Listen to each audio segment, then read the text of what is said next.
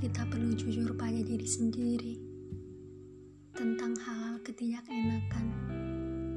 Mengakui bahwa merasa lelah, ingin marah, kecewa, kesepian, merasa sendirian, merasa belum mampu, merasa takut, gagal, atau rasa-rasa lain yang dirasa menyesakan, menyakitkan, dan sulit sekali untuk diungkapkan bukan untuk sebuah ketidaksyukuran, tapi untuk menegaskan keinginan mencintai diri sendiri adalah berarti kita harus tahu diri kita sendiri.